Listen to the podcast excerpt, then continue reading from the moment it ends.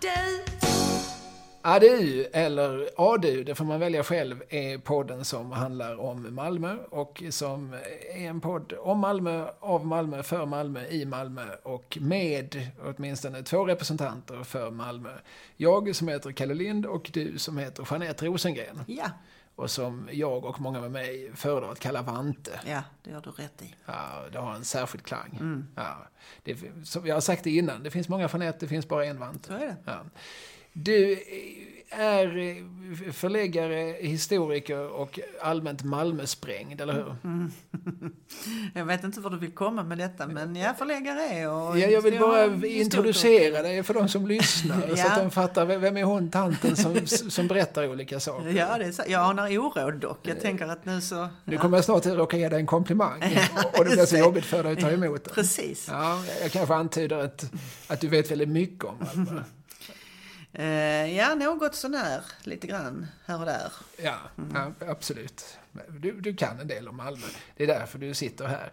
Eh, vi diskuterar olika aspekter på den här staden, eh, kanske främst ur någon sorts historiskt och kulturellt perspektiv. Men, men eh, eh, tanken är att eh, vi ska, när den här serien är färdig om kanske 2000 avsnitt, så ska vi ha fått med alla aspekter som överhuvudtaget finns Det ska vara helt uttömt. Ja, ja, det ska inte Ja. finnas någonting att tillägga.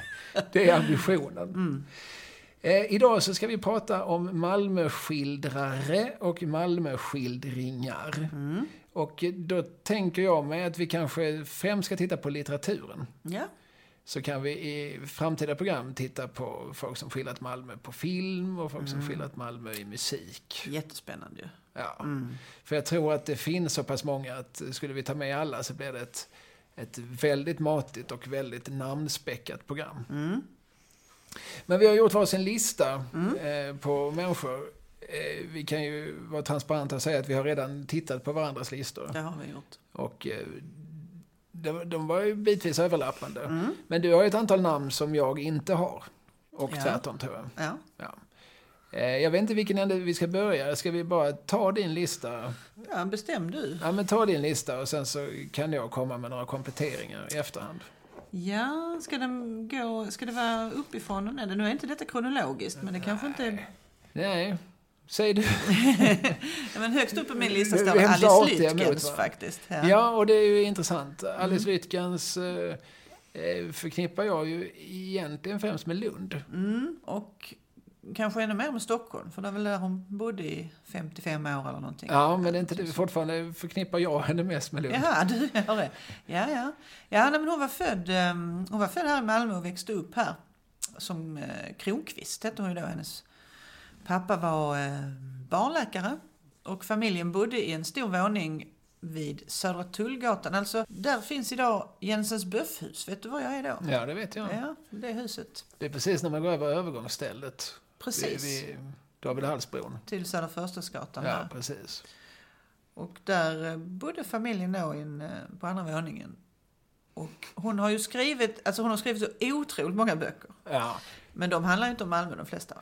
Nej, hon har skrivit många böcker, inbillar jag mig, som utspelar sig under svensk romantik. Ja, precis. Hon skrev en som heter Längtans blå blomma, som blev filmatiserad för sig 20 år sedan som en sån här eh, jul tv-serie. De brukar ofta, SVT brukar göra i jultid en två, tre avsnitt serie som är ofta i historisk tid. Kostymdramor, Ja, liksom. precis. Det antas vara någonting som publiken frågar efter i, i juletid.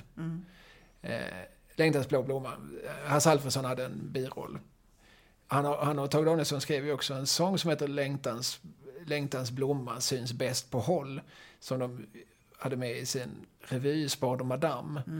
Där de bara använde musik av Franz Schubert och som utspelas under alltså, tidigt 1800-tal, det vill säga romantiken. Eh, och jag gissar att den låttiteln, Längtans blomma syns bäst på håll, att den alluderar på Lytkens bok. Mm, se där. Ja. Så det är egentligen min relation till Alice Lytkens. Jag förstår. Hasse Alfredson. Alla, all, all, Allting går via Ja, Hasse. för mig är det ju så. Ja. Liksom. Han är ju min guide in i precis allting. Kan jag någonting så är det ofta för att ja, men det har Hasse Alfredson skrivit en limerick om, så därför känner jag till. Tashkent och sådär. Ja, precis. Ja, nej, men och hon, det som är intressant i sammanhanget är att hon skrev eh, på sin ålders höst då memoarer, eller de inte lever om sitt liv, Mm. i några olika delar. Och där skriver hon ju mycket om Malmö. Och hur Malmö framförallt var på den tiden hon växte upp.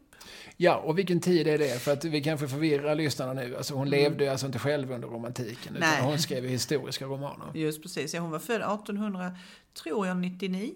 Mm. Ja, där någonstans. Och blev eh, gammal, hon dog ju på 90-talet. Men hon eh, beskriver oerhört levande hur hennes barndomskvarter såg ut. Och eh, det finns en berättelse om hur hon och hennes kamrater brukade leka på Gustav Adolfs torg i den så kallade runningen. Alltså den här lilla parkliknande dungen. Den som i någon mån fortfarande finns kvar. Mm, en del av träden finns faktiskt kvar. Och den var ju anlagd redan 1859 så att när hon var liten så var det en uppväxt ju. Och det fanns ju inga andra lekplatser så att eh, kamraterna de lekte där och hoppade rep och trillade kula och vad man nu gjorde.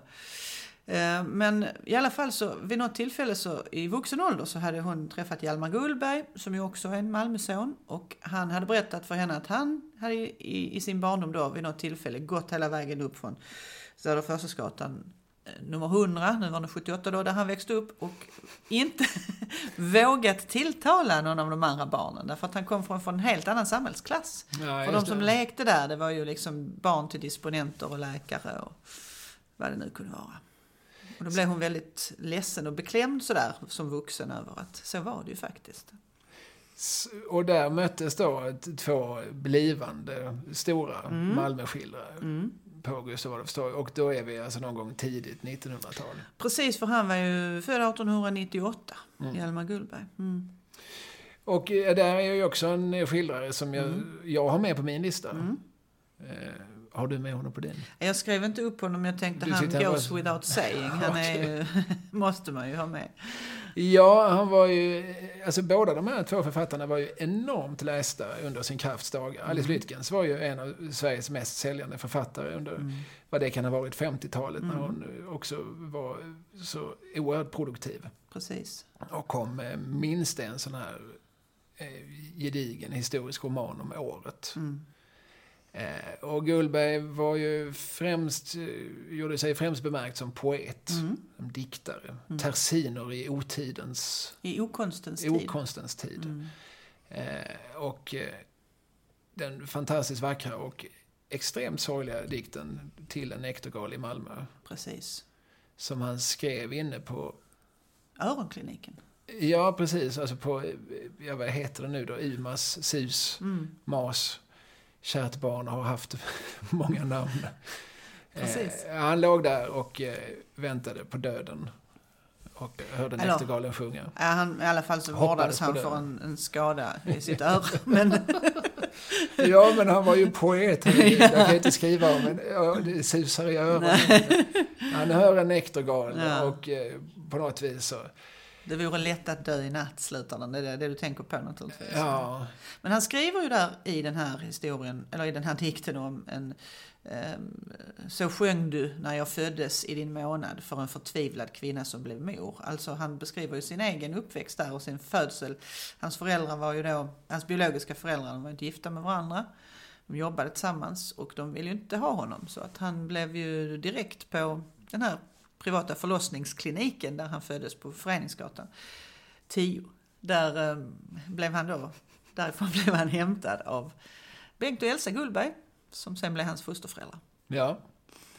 Och eh, Hjalmar Gullberg, jag vet inte hur mycket han läses nu, men han var ju alltså, han- för att vara poet så var han ju väldigt eh, liksom, eh, brett och folkligt eh, uppskattad och läst. Och eh, han hade också lite, jag tror han var eh, lite radiochef och så, här, så han hade någon sorts eh, mellanchefsposition på eh, Sveriges Radios eh, teateravdelning. Och, eller, om Han de rent av initierade- hade en poesiavdelning. Ja, men han initierade Dagens Dikt faktiskt. Det var han som kom på det där. Ja, just Och det. den finns ju fortfarande. Va? Ja, varje dag klockan 12 Precis. så kan man höra någon eh, lite, lite överartikulerat läsa någonting ur den svenska poesiskatten. Följt av ett klassiskt stycke. Eh, Hjalmar Gullberg har ju för övrigt också skrivit eh, en, en, en, text som vi kanske inte omedelbart förknippar med honom. Alltså, eh, som Edvard Persson gjorde stor mm. succé med. Du tänker på Skånska slott och herresäte? Ja, jag tänker på den. Mm. Som skrevs för någon revy. En revy på HIP som hette Sicken blomma, om jag inte minns fel. Ja, du kan minnas rätt. Ja. Eh, på 20-talet någon gång är det i alla fall. Ja, 29 kanske, eller? 28-29 skulle jag gissa på. Ja. Eh, som, eh, som väl en del av oss kanske sjunger på mm. ibland. Eh, där finns en del fina rim i den. Eh, där de rimmar hans kungliga höghet på dammet och möget. Precis. han, han har... De kallade ju sig för cello eller mekano. Alltså de var nöjda med det de hade gjort. Hjalmar Gullberg och hans kamrat. Bengt Hjelmqvist. Precis. Så kallade de sig för cello som cello. Men om de inte var riktigt nöjda, har jag läst, så kallade de sig för mekano. Okej. Okay. Ja, här var de väl cello då. Så cyklade de runt i de här olika slotten och studerade dem från olika håll innan de då författade dikterna. Eller verserna i den här sången. Gjorde de det? Mm, ja. Var de ända nere vid Glimmingehus? Alltså? Ja, jag vet inte om de var på alla, men de, eh, de lär ha cyklat runt på den skånska landsbygden och fått kommit i stimmung där liksom. Ja, ja. Mm. ja för det, den är ju bra sådär om man vill kunna rabbla skånska slott. Mm. Alltså, varje vers går ju igenom olika slott. Och, mm. eh, och en del ger ju lite historia, som i Glimmingehus. Och mm. andra är ju mer samtida. Och så här, de är ju på Sofiero där, där dåvarande konungen, Gustav VI Adolf, ju hade sitt sommarresidens. Mm. Eh, och så, så nämns ju olika adelsmän, lite grevar Tott och, mm. och så det är Ernst Nordlind och hans fiol. Just det. Ja. Borgeby herre, ja precis. Ja. ja. Eh, det finns enormt många verser. Mm. Om man tycker den är lite tjatig i den tre minuters version som eh, gick att ge ut på stenkaka så ska man veta att den kanske var dubbelt så lång i original. det är jättemånga verser verkligen. Men eh, så det var ju som Gullbergs lite folkliga sida som mm. kom fram där. Och till en näktergal i Malmö gjorde ju Östen Warnerbring ja. en väldigt inkännande och finkänslig version av på mm. sin fantastiska skiva, Skåne. Ja, verkligen. Som jag tror kom 73. Det kan ju vara så. Ja, tidigt 70-tal mm. i alla mm. fall. Där Bernt, Ä Bernt Egerblad, eh, som dessvärre inte hade någon skånsk anknytning alls, han var väl från Umeå tror jag. Mm. Eh, men han var tv-producent och gjorde två en flygel och så. Mm. Men han var ju framförallt arrangör och pianist. Eh, har gjort väldigt eh, fina arrangemang den där skivan är ju, är ju spännande för det är ju alla möjliga sorters texter. Precis. Alltså från det mest burleska. Mm. Kom hem full, klådde kärringen, körde ut ungarna i vinterkylan, till exempel. Till, då, till en näktergal i Malmö. Och eh, Göran Sonnevis Vietnamdikt mm. som man ju läser, reciterar väldigt eh, om man har liksom någon relation till Östen Warnerbring, om man är så gammal som jag, så tänker man på honom kanske främst som en, som en spelevink. Mm. För att det var så han ofta framträdde i tv på 80-talet. Men det var en man med många ansikten. Det var verkligen Jag tänker på, du är ju från Eslöv. Han och Eva Rydberg gjorde ju Eslöv. Ja, Eller? som paret Kurt och Majken. Mm. Då, då, var de ju, då var det ju den burleska sidan som kom fram. Mm. Då var det ju mycket som peruk och lös mustasch och, mm. och bred dialekt. Mm. Eh, ja, just det. Eslöv, jag tackar dig Eslöv. Mm. Just det, det är på den här, Don, vad heter hon då? United States of America heter precis. låten i original. Ja. Donna Far, ja. Fargan, Fargan. Ja, någonting sånt där. Han gjorde ju även 15 minuter ja, från Eslöv. Precis. På Burt Bacharachs uh, 24 hours from Tulsa. Mm. Ja. Så att han... Och han var väl faktiskt bosatt i Skåne alltid? Va? Ja, men Östen, han, alltså man kan ju säga det också. Han, eh, han föddes ju här i Malmö. Han föddes på Jägersrovägen men han växte upp eh, inne på Möllevången. Eh, Bergsgatan faktiskt. Aha. Bergsgatan, Hagagatan, den finns ju inte längre. Nej. Där byggde man ju hela det här stora komplexet med apoteket och så. Men han, hans far var polis, han har skrivit en väldigt roligt, han, han var ju faktiskt journalist också från början. Han har ju skrivit ganska roliga texter kring det här, sin uppväxt i Malmö. Som går att läsa någonstans alltså? Ja, alltså någon av texterna går att läsa om man känner mig. För den har han skickat till mig för att använda i en bok som jag skulle göra om Möllevången. Men som den gången aldrig blev av. Men den finns ju där fortfarande och han har gett sitt nådiga tillstånd till publicering. Så Se den som där, väntar på där. något gott. Jaha, Mm. precis. Mm. Har väntat ett tag alla Ja, redan, han, skulle jag han säga. finns ju inte mer tyvärr, men eh, så är det. Den, Ja, nej men precis. Nu kom vi ju lite grann in på eh, en människa som ju absolut har skildrat Malmö, men främst då i sång. mm. Han har ju också gjort den här om hur det doftade i Precis. Malmö på olika... Och om Karl de Snöar som ju var original, om olika Ja, precis. original i Malmö. Men han var ju, alltså, bara för folk som eventuellt bara har liksom hum och hört namnet Östen Warnerbring, men, men han var ju alltså absolut inte en lokal företeelse, utan han var ju som en riksbekant smörsångare, crooner, var ju Mm. främst, eh, Mm. som känns som på 60-talet. Och sen hade han lite så här, lite muntrare, trallvänligare hittar som Mm. du borde köpa dig en tyrolerhatt och så. Mm. Men framför, han kom ju absolut bäst till sin rätt framför ett storband. Där, där han sjöng väldigt välmodulerat och fick ju då inte för inte smeknamnet Östen med rösten. Precis så. Mm. Men vi tar och, och lämnar honom för att Mm. vi kan återkomma om vi i framtiden pratar om Malmö-sånger. Mm. Eh, vad står vidare på din lista? Ja, sen står det Herta Wirén. Ja, berätta allt om Hertha Wirén. Herta Wirén, om man skulle säga Alice Lytkens och Herta Wirén står lite grann emot varandra. Delar av Malmö som de har skildrat. Därför att Herta Wirén var ungefär jämnårig. Hon var ju född... Eller om, om Herta Wirén är född 1899 så kanske Lytkens var född 1898. Det var något år emellan dem sådär. Men de blev ungefär också lika gamla. Men eh, Herta Wirén har inte nått samma oerhörda popularitet som Alice Lytkens gjorde. Men däremot så började hon att skriva romaner historiska romaner från Malmö, från sin egen uppväxt. Och det gjorde hon när hon var 76 år gammal, debuterade hon. Se där. Det är du. Alltså då 1975 gavs hennes första bok ut som hette En bit bröd med Anna. Och då handlar den om Möllevången och tiden kring sekelskiftet och framåt mot storstrejken 1909 där. Vanlig arbetarfamilj. Det är ju en förklädd självbiografi det här egentligen då. Men eh, sen så följer hon upp det här så hon skriver alltså åtta romaner på 12 år om jag inte minns fel.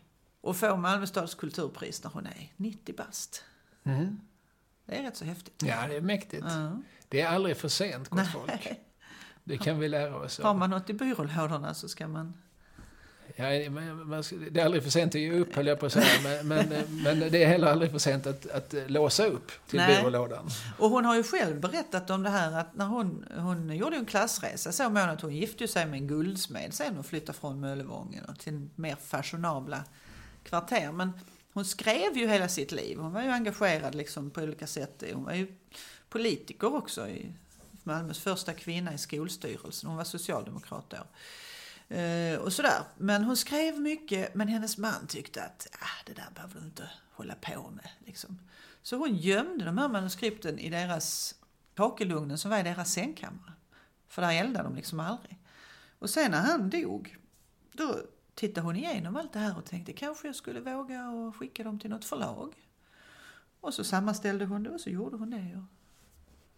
Och så blev det.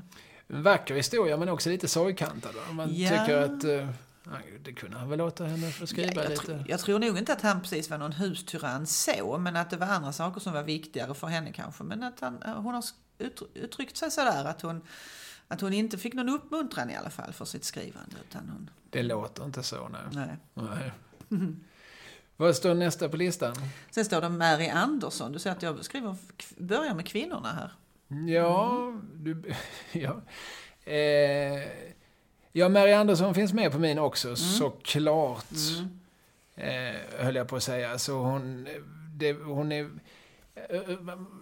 De här namnen vi kommer att nämna så är det ju människor som, som kanske inte alltid är från Malmö, som kanske inte bara har skrivit om Malmö, som kanske bara har skrivit om Malmö någon gång. Och så. Precis. Mary Andersson, hon skrev, höll jag på att säga, uteslutande om Malmö. Det gjorde hon ju inte, för hon skrev ju även om Maria från Borstahusen. Och, Fast den utspelar ju sig i Malmö. ja, just det. För Maria var, Maria var från Borstahusen men hon bodde här. Ehm, Det utspelar sig ungefär där varuhuset Entré ligger idag, i de kvarteren. Ja, ja. Bredgatan, där. Så, där, ja, men, så att jag kanske inte ljög när jag sa att hon, alltså Malmö var väldigt mycket som spelplatsen Ja. för Mary Anderssons eh, romaner och inte minst pjäser. Precis, och den, den började ju som den, den skrev hon ju som en pjäs som Skånska Teatern satte upp, vet jag. Ja, i Landskrona. Precis. Det var nog där jag gjorde. Landskrona-kopplingen också. Precis. Men ehm, sen skrev hon väl, jag tror du, du har rätt i det, det var väl att hon gjorde någon utflykt till Lomma. För hon skrev om eterniterarbetarna där, men den är inte så lång den utflykten. Nej, nej, nej, det, det går att göra på cykel. Och den här Maria från Borstahusen, den utspelar ju sig i slutet på 1800-talet och början på 1900-talet. Så det är ju mycket tidigare än det andra som hon sen skriver. Hon skriver ju mycket om 30-talet och alltså sin egen ungdom kan man säga. Ja, 30 och 40-tal och sådär. och hon växte upp i de så kallade barnrikehusen. Mm. Som ligger, är det, vad blir det, Spånehus? Mm. Nobelvägen där liksom. Ja. Vad heter det området på den sidan av... av Ja, det heter Sorgenfri. Det är Sorgenfri. Och där växte hon upp och eh, hon, på 90-talet så gjorde ju Malmö Stadsteater en stor ambitiös musikalversion eh, av ett par av hennes romaner. Va? Ja, alltså hon skrev ju en, en roman som heter Dåliga människor. Mm. Och det var väl den som man satte upp. Mikael Wiehe skrev väl eh, texterna till Ja, och musiken. musiken. Ja, precis. Philip Sandén regisserade, Ja. dåvarande chefen. Han var för- teaterchef då, ja. Ja. precis. Och då, den utspelar sig, det är två unga tjejer som eh, jobbar i senapsfabriken. Varav hon själv är den ena. Och, och den andra dör då, ung. Undrar om inte hon fick TBC, var det inte så? Det låter väl inte otänkbart. Jag, jag kan inte berättelsen eh, i detalj. Jag har läst boken, men jag såg Mm. aldrig musikalen faktiskt. Jag har ju hört eh, en del av det finns utgivet på skiva. Mm. En hunnalåt är en hunnalåt. Mm, och så. precis. Marianne Mörk va, som sjunger där, är den det inte det? Ja, och hon spelar väl en figur som var eh, en autentisk figur, va? Mm. Som hette Sicka, Picka, Picka. Skittapicka. Skittapicka, Ja. tack. Skittapicka. I, I den här Maria från Borstahusen så figurerar också Skittapicka men där kallas hon för Skittakarissa av någon anledning. Jag vet inte riktigt varför. Men Men för Skittapicka fanns i verkligheten. hon fanns i verkligheten och jag vill ha det till att hon bodde på um, Bulltoftavägen, eh, vad blir det, norra Bulltoftavägen i något litet hus där. Under en period i alla fall. Jaha. Med sin manliga ja, vän eller kumpan eller vad man ska säga som kallas för Pidderlort. Man får ett intryck av att de inte var så renliga. De var nog, alltså jag skulle nog tro att det fanns någon form av psykisk ohälsa inblandad i det här. Men de levde väl mest på att tigga. De var, bet, de var väl bettlerska skulle man kunna säga. Mm. Och den här liksom, autentiska figuren som säkert var välbekant för, för dåtidens Malmöbor från, från gatuvimlet. Mm. De, eh, hon förekommer alltså i, i flera av Mary Anderssons texter och, och blev också följde med in på scenen. Mm. För jag tror att eh, musikalen den är, är väl liksom inspirerad av, alltså det föl, följer den Följer med manus ganska troget. Ja, okej. Ja. Ja, då, då förväxlar jag det, eller så här var det kanske, det gjordes en utbrytning, en slags avknoppning från den musikalen. För att Tommy Jut spelade Ja. en figur som heter Putte Hågen. Just det, Som fick en egen föreställning. precis. Just Det är det. där jag börjar blanda ihop det. Det är där jag börjar röra ihop det. Mm. Ja, det är inte så. Det var ju många, oerhört många karaktärer också i de här böckerna. Och man kan ju säga någonting om Mary Andersson som jag tycker är intressant. Att hon, jag tror att hennes debutroman är Sorgenfri. Jag tror den kom 1979. Ehm, och hon skriver ju om arbetarkvinnorna som kanske inte så många har gjort tidigare. Och det finns en scen som jag minns, jag läste ju den här när jag var liten då och eh, då, då eh, är det en scen när de tar, till, tar, eh, tar iväg till Pildammsparken. För att de är gravida, eller någon, av- någon av dem är det. Och de vill, man kan ju inte göra abort på den här tiden och då så ska de försöka fördriva fostrarna. Genom att de ställer upp sådana här parkbänkar så ska de hoppa över, springa runt i tallriken och hoppa över tills de då, det blir missfall helt enkelt. Ja. Eh, Av för- själva hoppandet? Ja, eller, precis. Eller ska de också landa på något obehagligt Ah, sätt? det minns jag inte så Nej. noga, men de, där rörelsen och hoppen. Och sen så för någon av dem har ju varit hos någon sån här, ehm, ja, shady business drev ju många och gjorde aborter liksom på kvinnor. Och de, vissa hade ju försökt själva med strumpstickor och allt möjligt annat. Så det var oerhört blodigt och tragiskt och hemskt kapitel på det sättet. Men jag minns så väl att jag tänkte, men herregud, så här hade man det alltså. Och de här kvinnorna blev ju gravida. Det var ju, fick ju många barn, de här familjerna. Och Mary Andersson, hon eh, föddes fattigt i så kallade fattigkvarter. Eh, och var väl sen också själv fabriksarbetare Mm. tills hon debuterade i ganska hög ålder. Mm. Ja, precis. Hon, hon dog ju ny, nyligen va? och hon var väl född eh, 29 om jag inte minns fel, så hon blev väl 90. Någonting Mm. sånt där. Och hon debuterade alltså 79, Ja. så då var hon ju 50. Ja, Ä- precis. Även hon var ju Ja. en, en mogen hon kvinna när hon debuterade och med ett långt och ganska hårt yrkesliv Mm. bakom sig. Mm. Hon skrev en bok också tror jag som heter Den Vingabröderna. Ja, det är väl en av hennes sista romaner tror Ja. jag. Ja. Eh, Men titeln kanske säger någonting Mm. om Precis. eh, hur, hur hennes liv i någon mån artade sig. Mm. Nu kommer det ju bli en, hon får ju en park uppkallad efter sig här i stan. Det är lite fint tycker jag. Var då? Den ligger vid, alltså i Sorgenfri då, vid Arildsplan. Ja. På, man följer Spånehusvägen över Nobelvägen så finns där en gröning där på vänster sida. Som har varit en, en parkliknande liten, ett litet område. Och där gör man nu en liknande park som i Stockholm finns det ju Per-Anders Fogelströms park. Lekpark för barn där man har byggt upp miljöer ur hans romaner då. Och likadant gör man här nu med Marie Anderssons park då. Jaha. Man ska skildra liksom Sorgenfri, hur det var med de här pinnakåkarna som kallades för Hollywood och ja, barnrikehusen och vad som fanns liksom i området. Så att barn då på något pedagogiskt sätt ska kunna ta till sig denna kunskap. Ja, förstå var de kommer ifrån, eller var Precis. vi kommer ifrån. Just det. Eh, Men Mary Andersson eh, får väl absolut räknas till de stora Malmöskildrarna. Eh, s- Som, som just också liksom tagit sig för att, eh, att eh, skildra dittills oskildrade människor. Just det. Eh, Som du säger, det var inte så många som skrivit om Malmös arbetarkvinnor innan henne. Precis. Och deras erfarenheter och sådär. Mm. Eh, vad har vi sen på listan? Du, vi går helt enkelt vi går efter min lista. Ja, här. jag tycker är vi gör det. Osjälviskt av dig, Kalle. Ja, men så kan jag då och då säga, ja, ja, men hon står på min lista också. Just det. Ja, Nästa, nästa person på min lista är Max Lundgren. Ja, men det är ju intressant. Mm. Eh, Det har det varit intressant hittills också, vill jag säga. Ja, just det. Jag Ja. läste lite sådär. Ja, ja Max Lundgren var ju, alltså, en, när jag var ung, fortfarande väldigt läst ungdomsförfattare. Mm. Han var ju mest bekant för de fyra böckerna om Åshöjdens BK. Mm. Som ju också blev en serie i Buster och Mm. också blev en, en halvbra, för att inte säga kvartsbra, tv-serie från eh, Malmö-TV Mm. i regi av Rune Formare. Mm.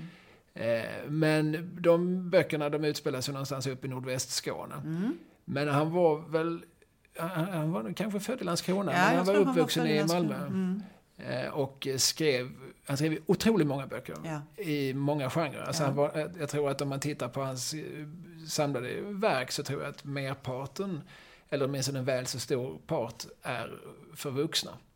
Precis. Eh, Men han är ju tveklöst mest känd som ungdoms och barnförfattare. Han skrev även Pojken med guldbyxorna. Och, Precis. Och så de, det fanns ju en friidrottsserie också som ja, handlade om... och då kommer vi till Malmö. Ja, just det. IFK Tromslagaren. Ja, Mm. fem böcker som handlar om en, som du säger, en friidrottsförening i något miljonprogramsområde i Malmö. Mm. Jag vet aldrig om det sägs rakt ut var det här kvarteret ligger. Jag vet inte det heller. Eh, Men, men det är ju en sån här berättelse. Alltså, Max Lundgren var ju inte bara en eh, flink författare, han var också en övertygad socialdemokrat. Ja. Eh, Med, liksom, som var väldigt liksom, rotad i malmöitisk socialdemokratisk mylla på något Mm. vis. Och eh, hans, även de här böckerna om Åshöjden handlar ju väldigt mycket om det omgivande samhället, om laganda, om liksom, kollektivets kraft och om eh, eh, samhällsomvandlingen. Den utspelades ju egentligen på 50-60-talet under rekordåren. Trumslagaren, IFK Trumslagaren-böckerna, de utspelar sig i sin samtid. De är skrivna på 70-talet och utspelar sig ungefär då också. Och sen så skrev han ju också Benny Boxaren. ja, precis. Det gjorde han.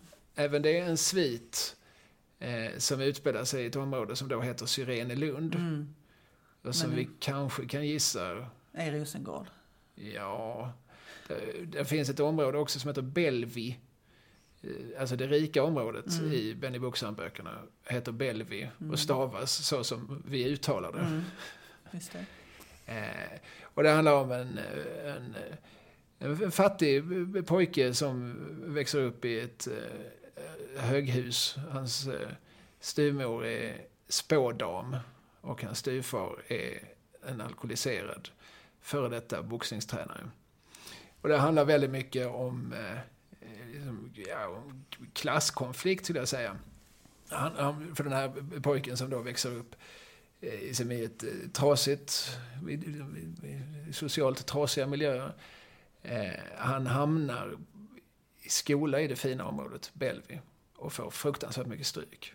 Men lär sig boxas så att han kan, så han kan nita klassfienden. Det är lite grann Mm. temat. Så förälskar han sig såklart i Ja. en flicka från andra sidan. Från de fina kvarteren. Mm, mm. Och eh, vi inser att, att alla är inte onda på den sidan. Och så.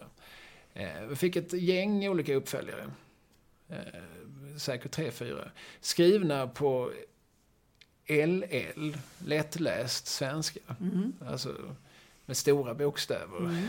och eh, ojämn högermarginal. Mm. Eh, som, och eh, tycker jag är stora läsupplevelser. Mm. Absolut. Och den, man satte ju upp det här som en teaterföreställning sedan, eh, medan Max Lundgren fortfarande var i livet. Och det gör man på Rosengård. Och då är det alltså eh, Drömmarnas hus, som är ett kulturhus för barn och unga som ligger i Rosengård. Där för övrigt Max dotter Lotta Lundgren verksamhetsledare. Då sätter man upp det här i hans egen regi då, och låter ungdomar från området vara med och spela teater.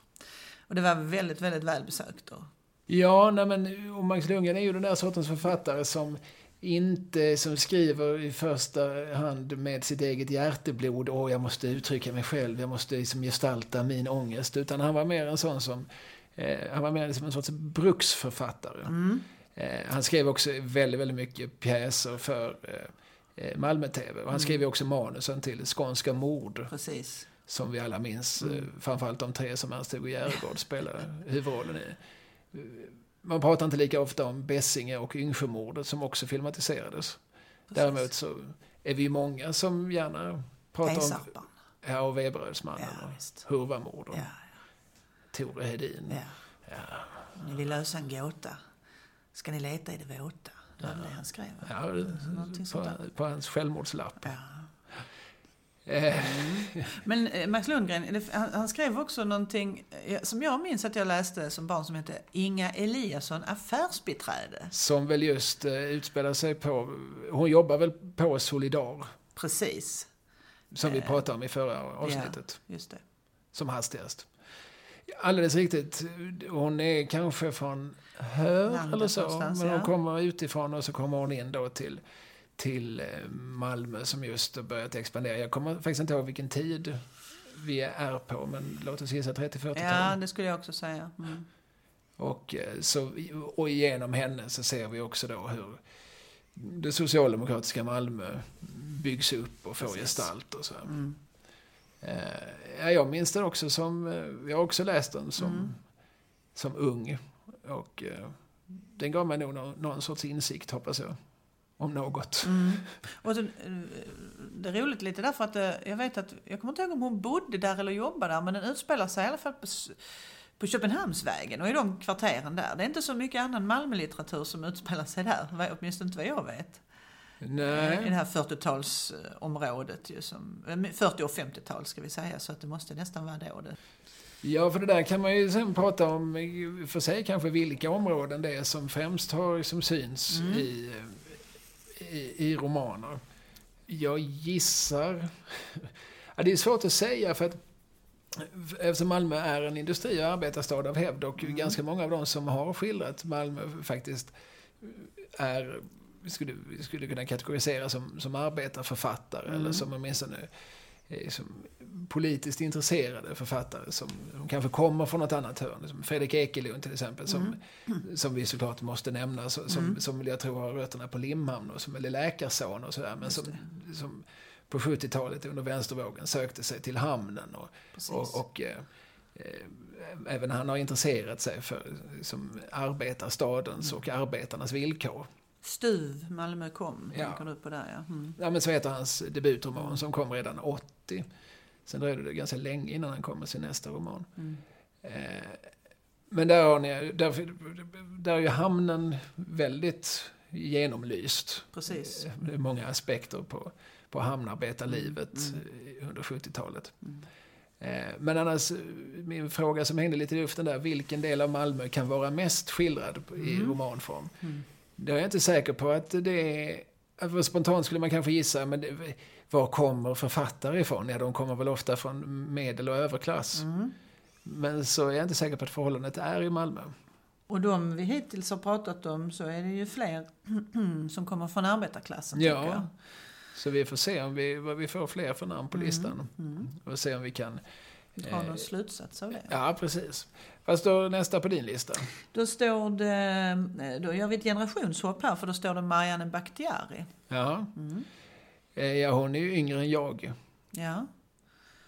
Är- Du är inte så hemskt gammal i sig. inte? Nej, men hon är, jag, Hon är- kan hon vara född 78, 79 någonting? Hon är fortfarande ung. Ja, det är jag är lite osäker där. Men är hon inte lite yngre till och med? Är hon inte född på 80-talet? Måste hon vara. Jaha, eh, om du säger det så. Jag tänker på att jag nästan vet det därför att när jag jobbade i biblioteket på Borgarskolan så var hon elev där.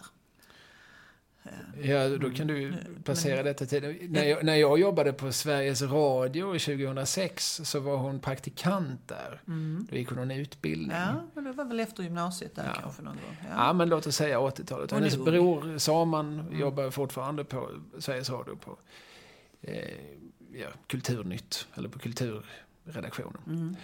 Eh, hon debuterade med Kalla det vad fan du vill. Mm. Jag har den här så att jag ska nu kolla vilket år det var. 2005. Mm. Det vill säga att då hade hon redan romandebuterat när jag träffade henne. Det kände jag nog inte till då. Strunt samma. Eh, och sen har hon kommit med två, tre romaner därefter. Hon är ganska sparsmakad. Mm. Eh, hon sprutar inte ur sig text. Nej. Men särskilt den här första blev ju en, en brett uppmärksammad Mm. bok. Som ju då skildrar det andra Malmö. Mm. Och vilket är det? Ja, det är ju det Malmö som har rötter i andra länder än Mm. Sverige. Just det. Det nya Malmö om man så Mm. vill.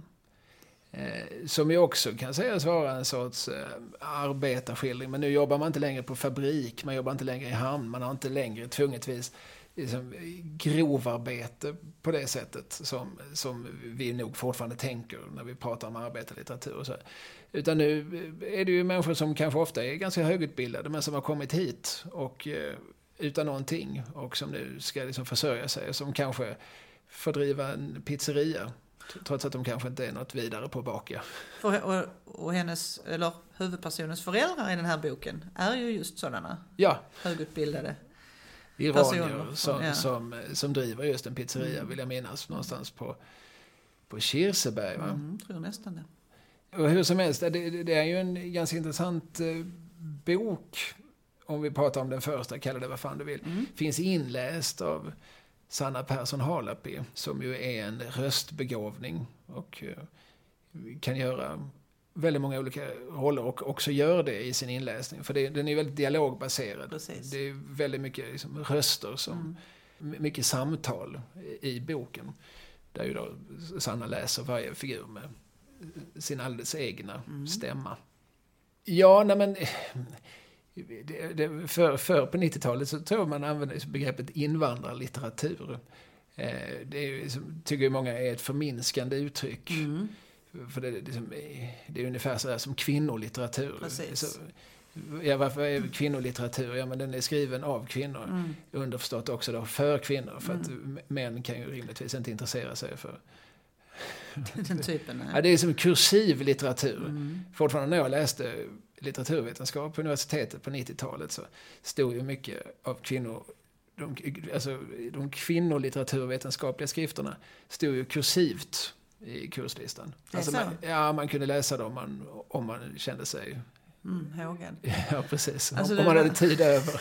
Det är det där som man kallar för additionshistoria också, du vet. När man har skrivit en hel bok om en stad till exempel och sen så upptäcker man, eller författaren upptäcker då att ja men herregud, det handlar bara om män. Det måste ju funnits några kvinnor också. Så lägger vi till ett litet kapitel om Silla-gummorna eller någonting. Och så får det vara kvinnoberättelsen. Ja. Additionshistoria.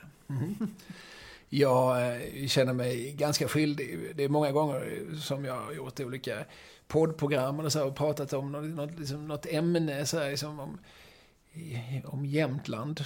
Eller om eh, science fiction-litteratur. Eller så. Och sen så när man har pratat en timme så Ja, vi kanske bara nämnt män.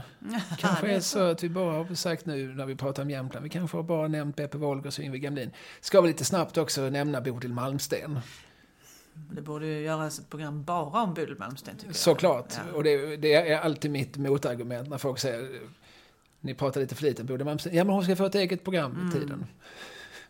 Det har hittills inte riktigt hänt. Men, men, men absolut, jag gör gärna många program om Bodil Malmsten. Det, är Mm. inte, Jag ska lyssna på dem. eh, det är bra, då har vi redan nu en presumtiv lyssnare. Jo, men eh, alltså men begreppet invandrarlitteratur behöver vi kanske då inte använda. Men, men det är ju alltså just att det kommer eh, nya röster.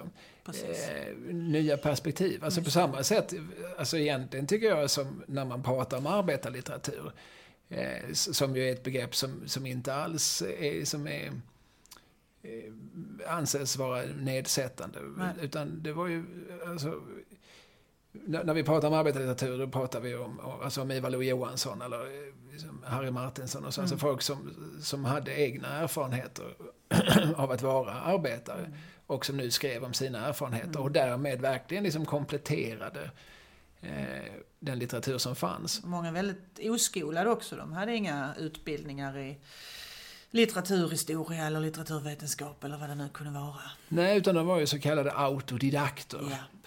Eh, och på samma sätt, så, så, alltså i analogi med det, så skulle man kanske då kunna använda eh, begrepp som invandrarlitteratur. Alltså för att det här är som, det är nya perspektiv. Alltså det här är verkligen liksom någonting som kompletterar och som, som alltså skriver in sig i ett, i ett outforskat hörn. Man mutar Ja, in den delen. Ja, visst. Ja, precis. Jag vill med, med beteckningen inte på något vis ta ifrån. Det är inte så att den här boken bara skulle vara intressant för invandrare eller bara intressant som ett invandrarperspektiv. Mm. Hennes romaner skildrar ju också liksom specifika erfarenheter. Ja. I hennes fall av att vara då, liksom, om inte född så åtminstone uppvuxen i Sverige, men med föräldrar som har, eh, tror jag, farsi som, som första språk. Och d- där hon som, som, som barn någonstans är mer orienterad i det omgivande samhället än hennes föräldrar. Så är det ju. Som ju skapar en särskild relation mellan, mellan barn och vuxna. Där, där, det inte är de vuxna som får vara guiderna. Precis. Utan det är barnet som tolkar. Det är de, mamman som frågar barnet, men varför säger man tack, tack? Vad är det för skillnad på tack och tack, tack? och, och barnet som säger, men det är ingen skillnad, det bara är så. Släpp det och gå vidare. Ja.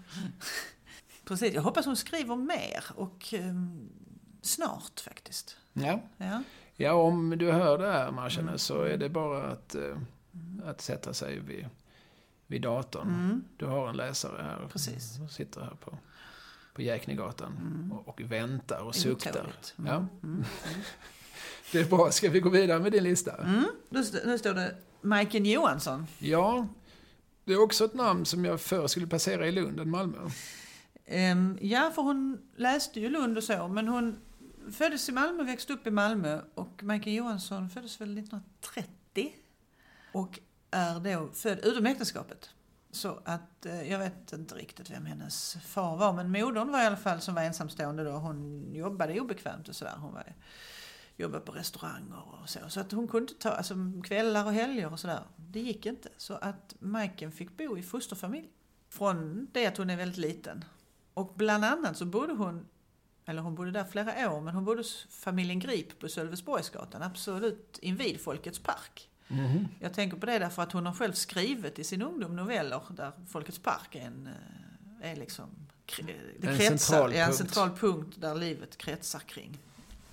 Och hon, eh, hon blir ju liksom, hon är ju, debuterar ju när hon är 22 år på Bonniers med en lyriksamling så att hon är ju sådär underbarn. Men hon, medan hon är, växer upp här och går i skolan och så, så skriver hon ändå ganska mycket som eh, utspelar sig i Malmö, novellform och sådär. Jag hittade bland annat då under min period på Borgarskolans bibliotek när man byggde om där så hittade jag något källarförråd, sådana här fantastiska skrifter som var utgivna när skolan fyllde ja, vad det nu kan ha varit, 75 år kanske eller någonting. Och där är det Majken Johansson vad hon publicerade och detta är ju sent 40-tal. Va? Så det är ju spännande att läsa. Sen skriver hon ju om Malmö också i sin, jag tror att den kom, kan den kommit 72 kanske, från Magdala heter den, som är ju en sån här, det är ju inte lyrik då. Hon skriver ju mest lyrik men hon skriver ju även prosa. Och detta är prosa.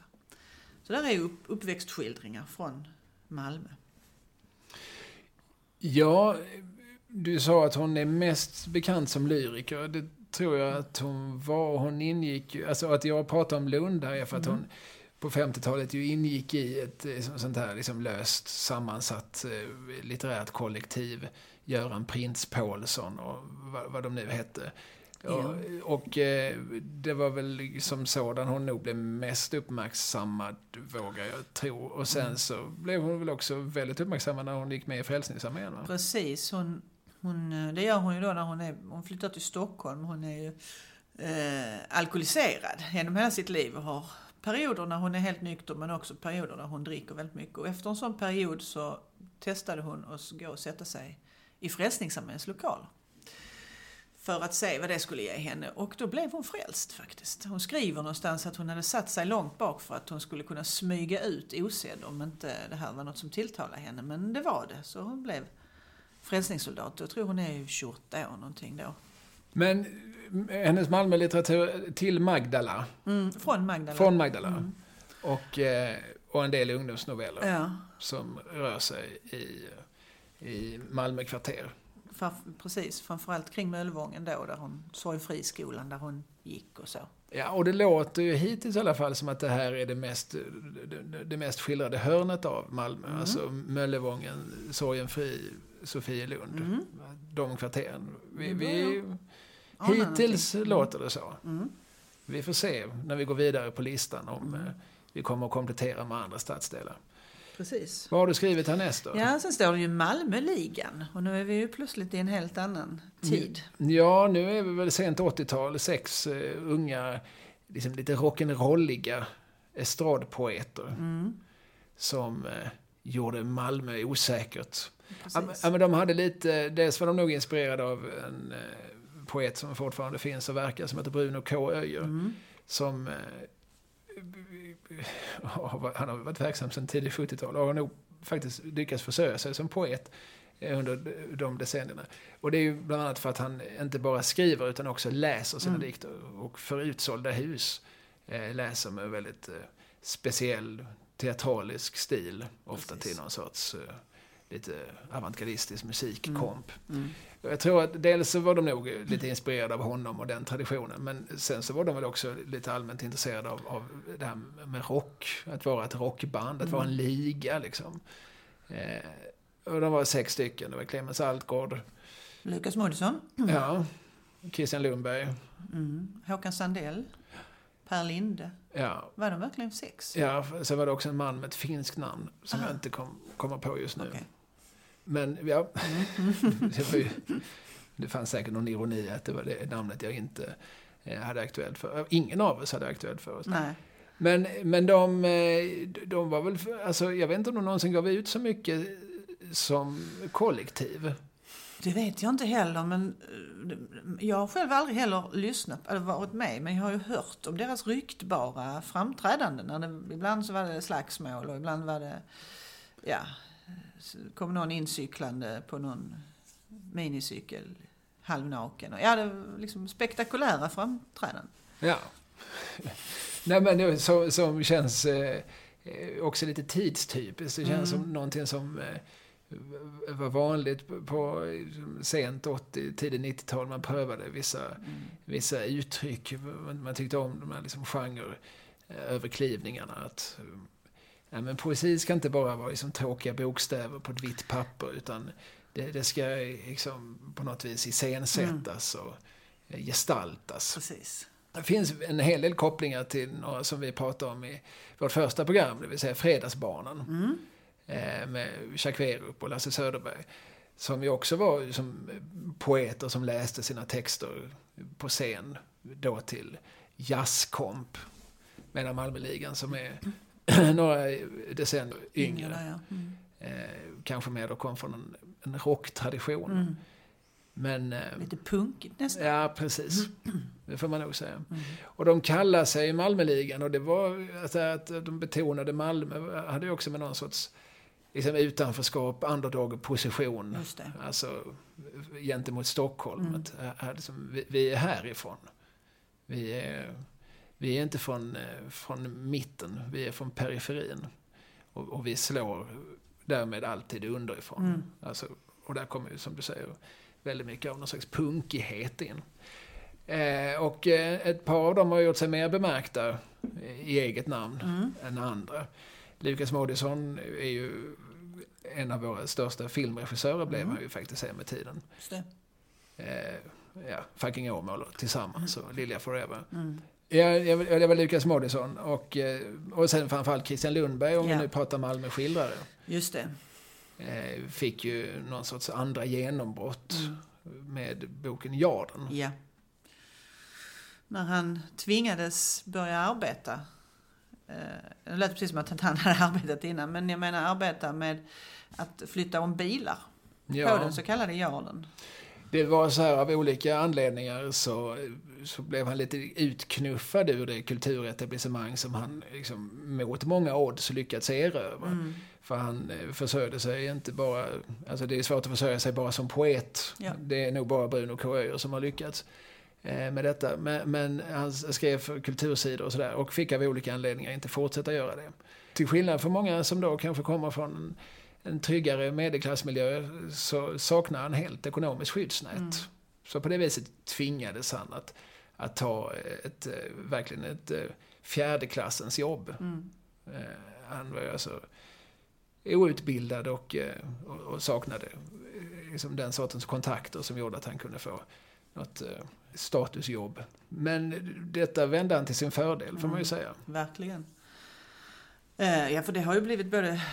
Man har ju spelat den på eh, Stadsteatern här. Den har blivit film. Mm. Och den har med all sannolikhet också blivit radioteater. Ja, ja. Och den utspelas nere i, i hamnen Mm. på någonting som heter Jarden. Mm. Som säkert var ett begrepp som var okänt för de flesta av de som läste boken. Mm, absolut, säkert.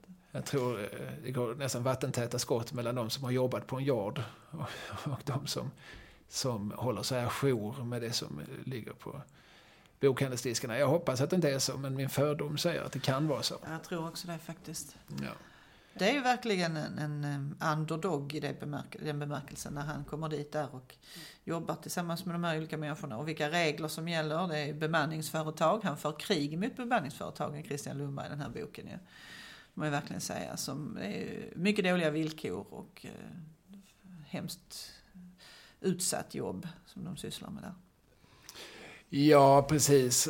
Alltså det, dels så är det ju som ett hårt arbete Mm. fysiskt. Det är kallt, han skriver mycket om köldskadade fingertoppar Ja. och så.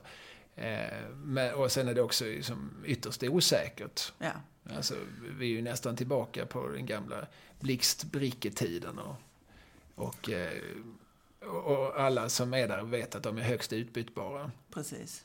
Eh, Så, så att det finns väldigt lite av, återigen, av skyddsnät. Mm. Christian Lundberg är en av eh, de sex i, i Malmöligan. Mm.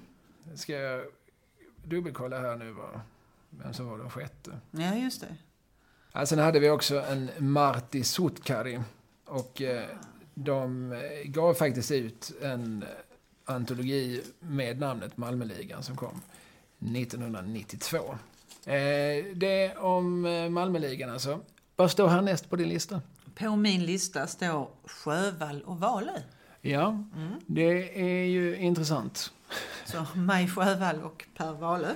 Ja, och man skulle kunna komplettera med att säga Per Wahlöö.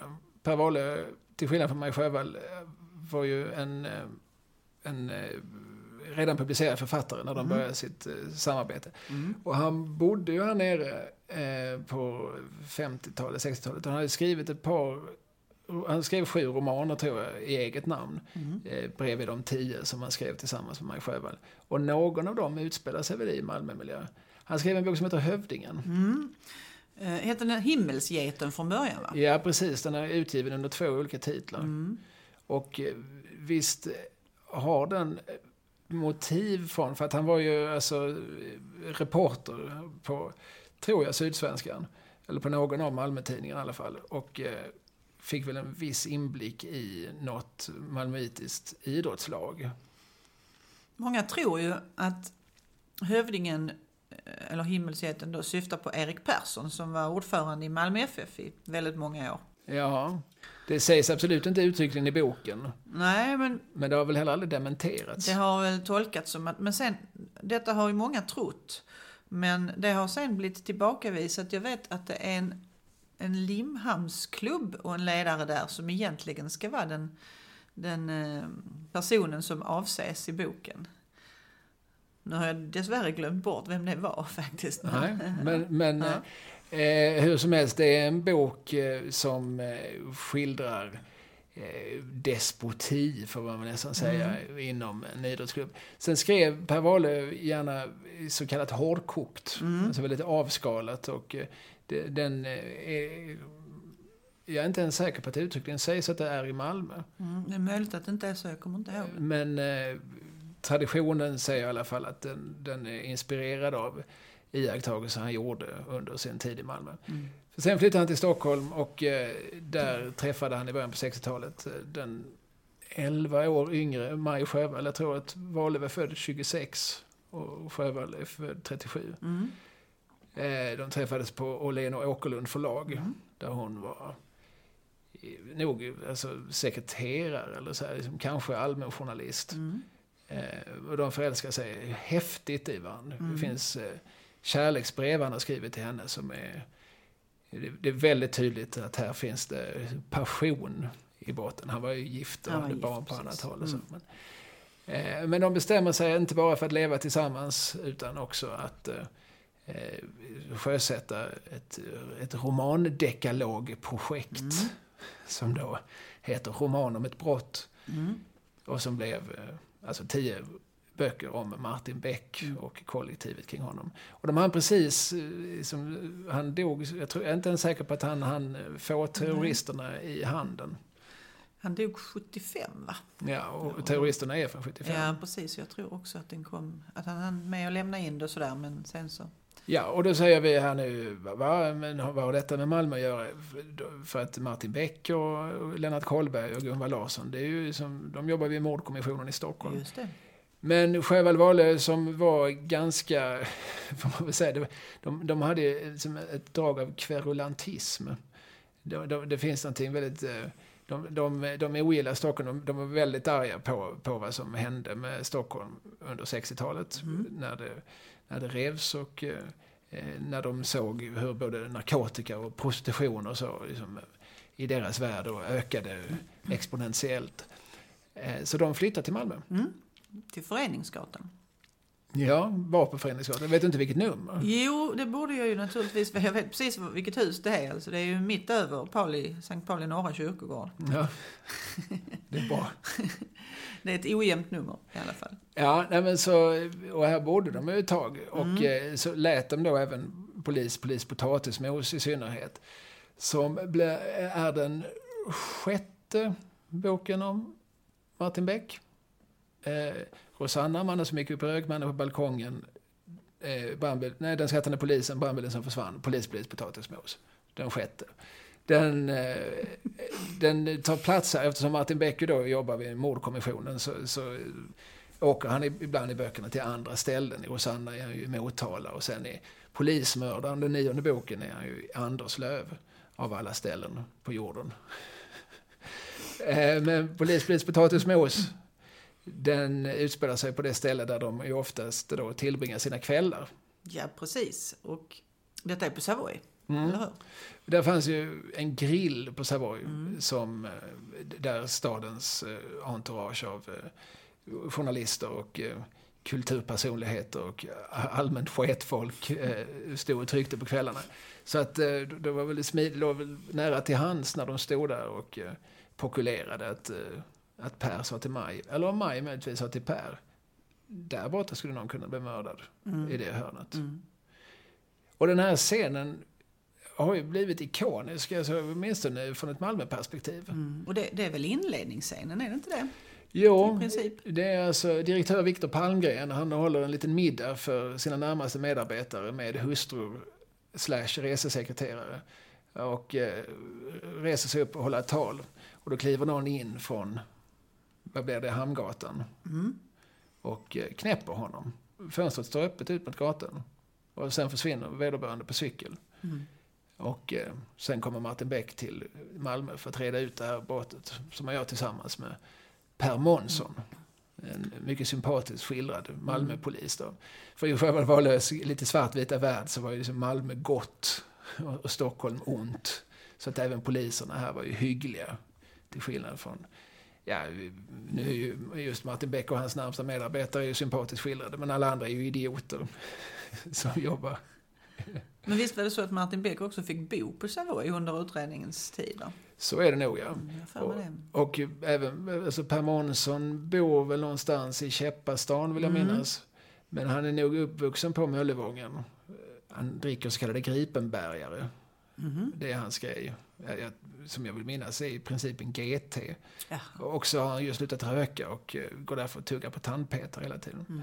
Eh, De, de, de var bra på det själva, var, var liksom väldigt pregnanta detaljer som Mm. gör att, ja det är han med.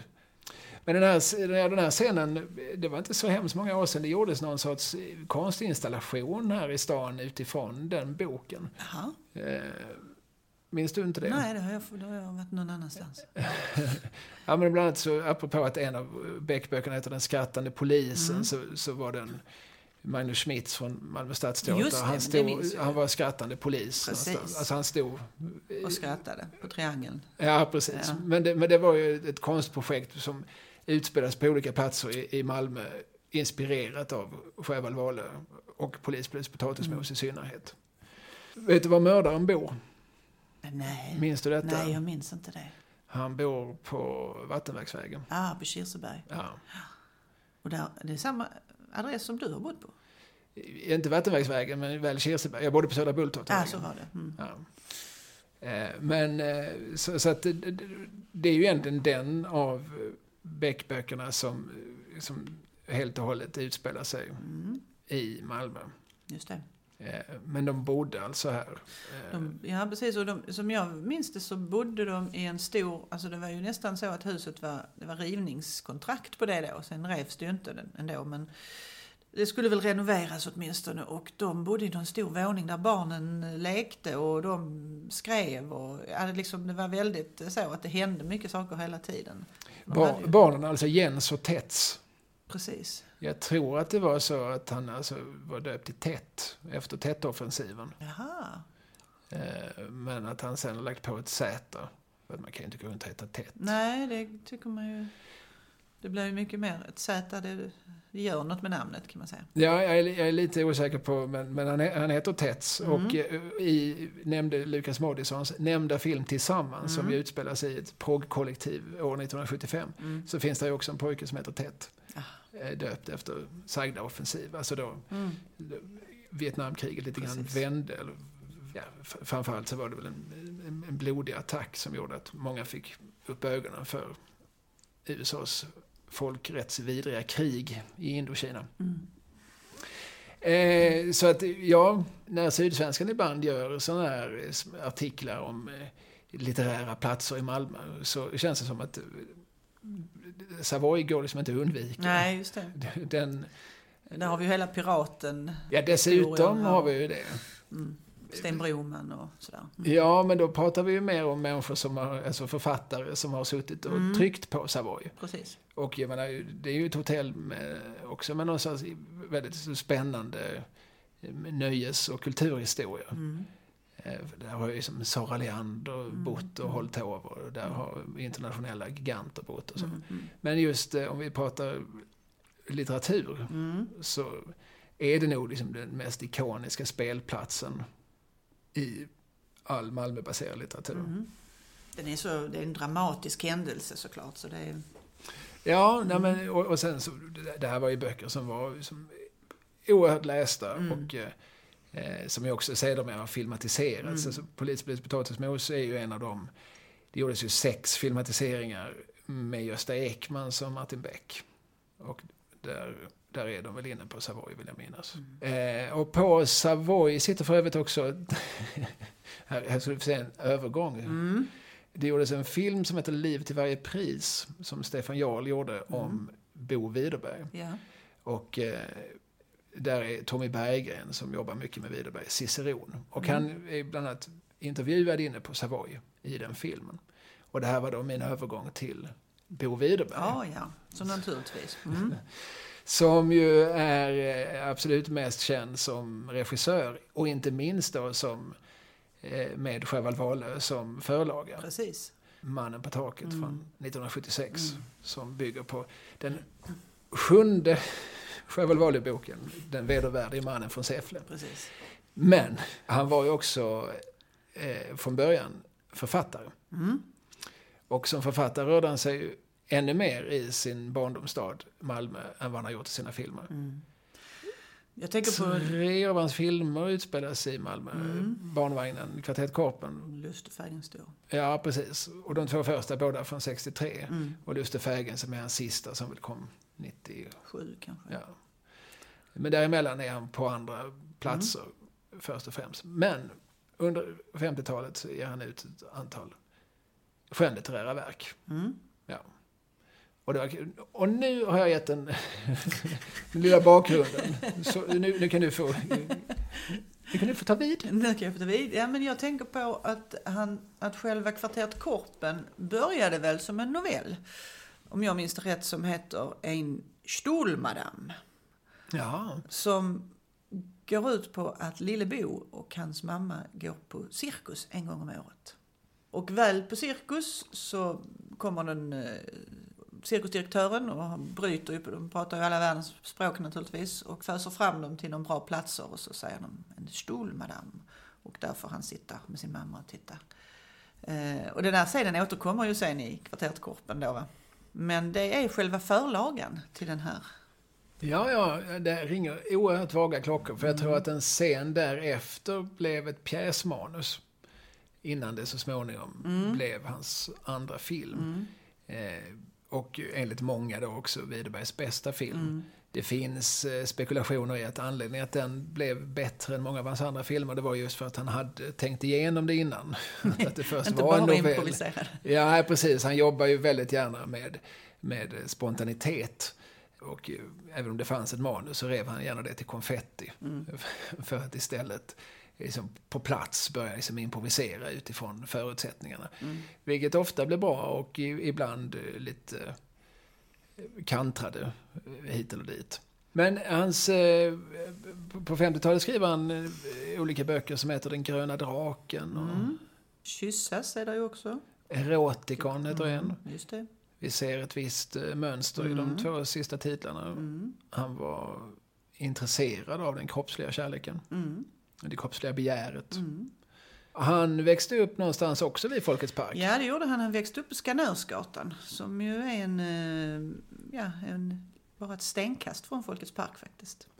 Och jag tror att Widerberg är född 31. Mm. Eh, ungefär i alla fall. Jag, jag vill minnas att han är född samma år som både Jan Troell och Hasse Alfredson. Mm. Och Per Olin för övrigt. Men, men, eh, jag, jag kan, men det är 30-tal i alla fall han är född.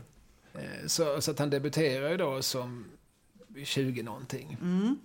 Och det, jag har läst det någonstans att han, apropå litteratur och apropå att skriva, apropå folkbildning, så har han berättat om hans, var gick han helst när skolan var slut för dagen? Jo, då gick han till biblioteksfilialen på Folkets hus. Som ju inte låg så fasansfullt långt ifrån där han bodde. Och där tillbringade han då oerhört mycket tid med att läsa. Låna böcker och läsa, liksom förkovra sig. Ja, men det är väl vackert så. Mm. Eh, alltså, jag tänkte det kunde stå vilket år han var född, men nu så att du... Ja, för nu bläddrar du i den fina biografin om Bo Widerberg. Precis, eh, Som, som hans hans... svärson har skrivit. Precis, Mårten Blomqvist som också är filmkritiker i DN. Mm. Han föddes faktiskt redan 30. 30. Så att, eh, Majken Johansson och han var årsbarn då. De kanske gick i samma klass. Ja, det är väl inte alldeles omöjligt. Och- Och de kvarteren där Mm. omkring, där växer ju också liksom, under samma tid Jan Malmsjö upp. Mm. Eh, han är ju lite yngre, han är född 34. Mm. Han är född på Listergatan? Eller uppvuxen i alla fall. Jaha. Han var ju på ett återbesök eh, i nu i mogen ålder och då gjordes ett reportage om detta. Han kom in i lägenheten där han hade bott Så som pass. Mm. Ja. Eh, och eh, nämnde Östen Warnerbring. Östen var född 34 och han växte upp i Bergsgatan, Hagagatan där. Så det är inte heller så långt ifrån. Nej, vi får väl förutsätta att Bo Widerberg, som då är fyra år äldre, men att och Malmsjö och Warnerbring, att de redan som barn måste ha sett varandra lite grann Det har i vimlet. gjort. Mm. Det här var ett stickspår. ja, men det är intressant det du säger om Widerberg och eh, biblioteket. I hans allra första film, Barnvagnen. Ja. För det var ju så, han har ju sagt det, att han tröttnade på att sitta ensam vid skrivmaskinen. Han Mm. ville liksom ha folk som man kunde hunsa och domdera och gå på trav med omkring sig.